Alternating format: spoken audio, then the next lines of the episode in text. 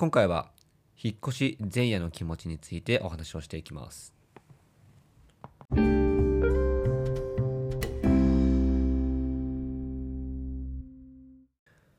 こんばんはヒロトのフラット独り言。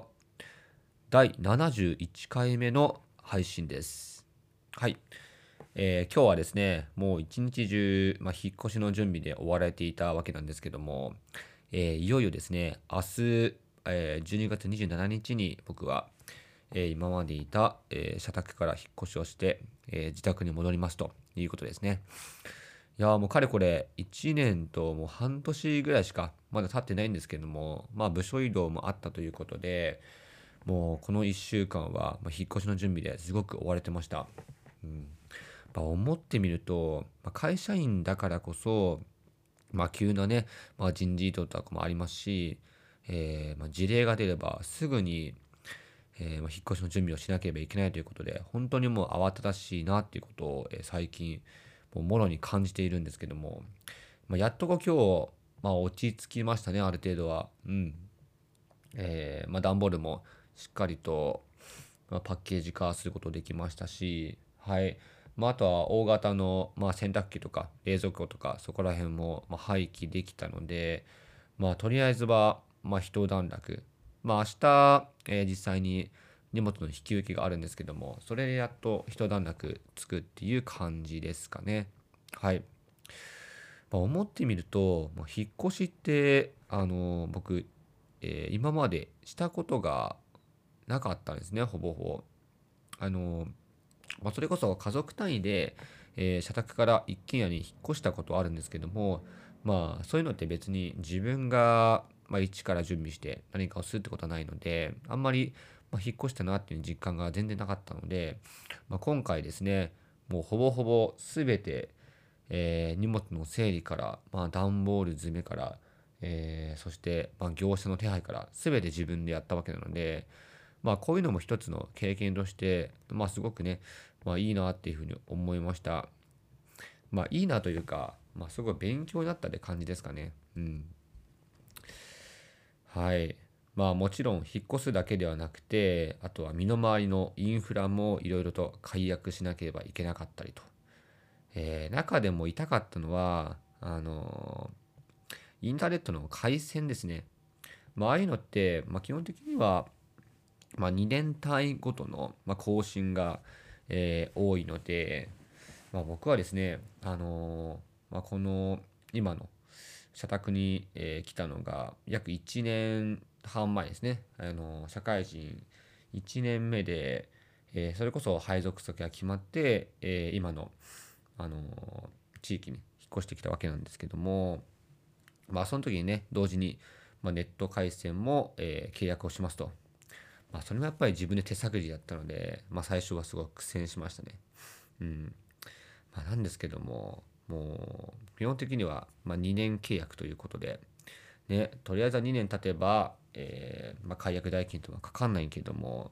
ね、こうも、ま、急な人事となると、はい、もうこの2年も経たずに、え、解約をしてしまうっていうことなので、え、やっぱりね、自己負担のあの解約代金がかかるわけなんですね。うん、まあ、うん、まあ移動した部署がね、すごく、まあ、楽しそうな雰囲気であるんで、それは良かったんですけども、うん、まあ、まあ、結構迷惑だなっていうのは、えー、正直感じました。はい。あ自分のお金で、ね、解約代金払わなければいけないので、まあそこら辺はちょっと、まあ会社の、まあしょうがない点ではあるんですけども、うん、まあすごく、やるせなさをすごく感じました。はい。まあまあ、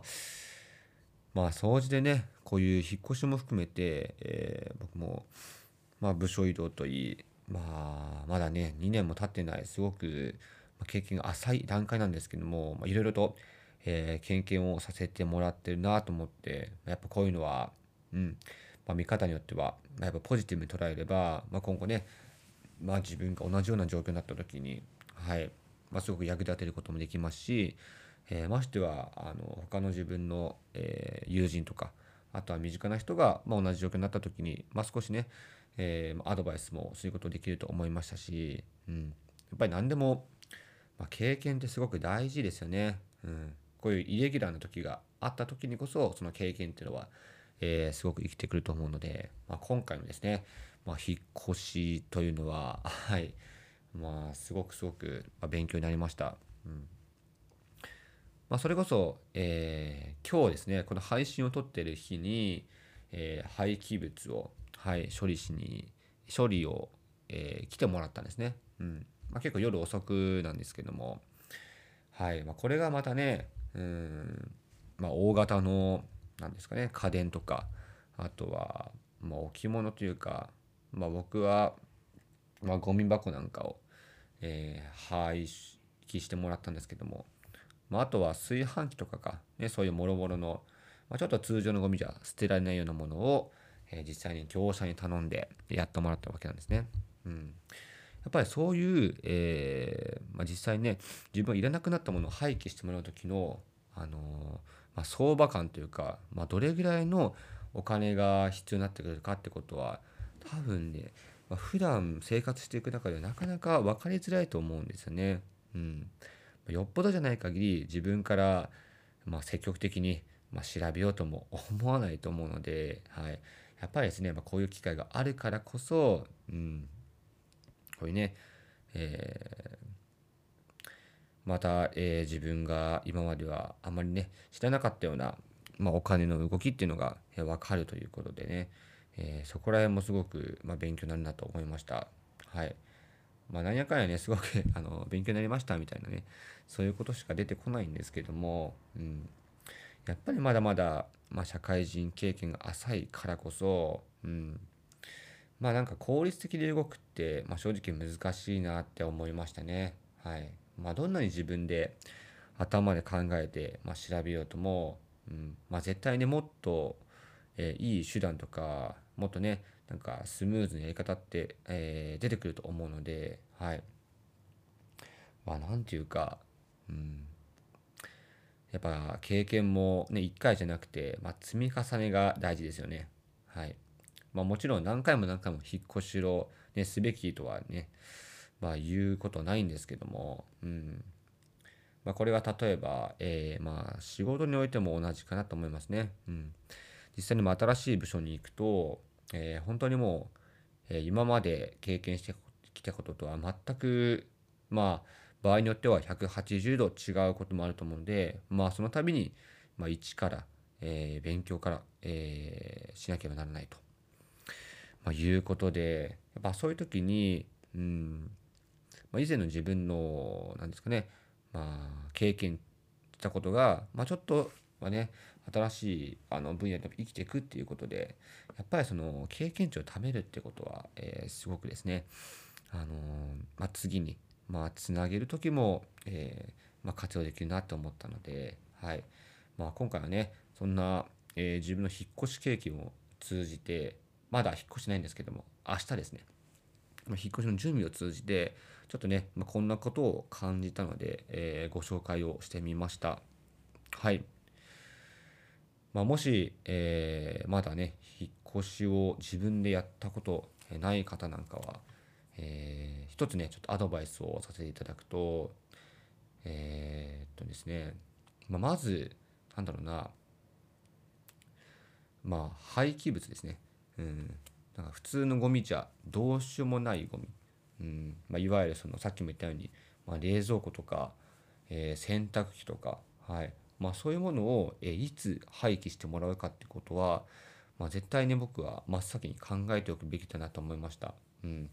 結構ですねこれに関しては、まあ、直前になってしまったので、はい。まあ、結構ね、あのー、焦りながら やったので、はい。だから自分の力じゃどうしようもならないことはやっぱり優先的にえ手配をしていくっていうことは、まあ、これは本当にもう引っ越しに限らずすごく大事だなってはい思いました。うん、あとは何だろうな、うん、あ意外とですね、えー、段ボールの手配、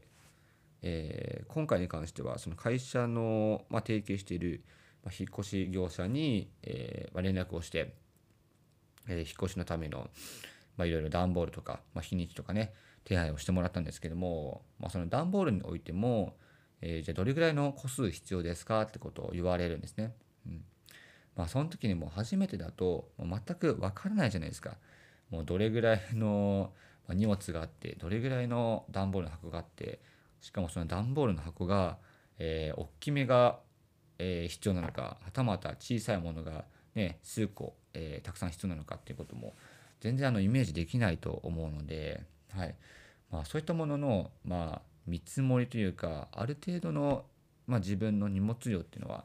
えー、早い段階で把握していくのが、まあ、すごくいいなと思いました。はい、えー、そんな感じで、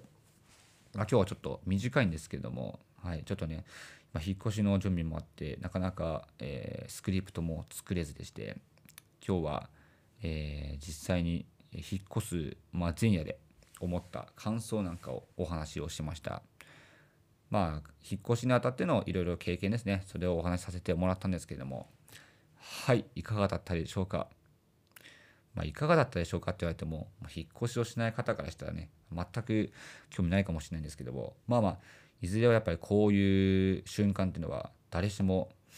まあ、誰しも、うん、まあ、多くの方来ると思うので、はい、まあ、ぜひとも少しでも参考になったら嬉しいなって思って、えー、配信をしました。はい、えー、今日はこんな感じで終わりますので、また明日以降ね、えー、ちゃんとスクリプトも作って配信をしていこうと思うので、ぜひとも楽しみにしていてください。それでは、バイバイ。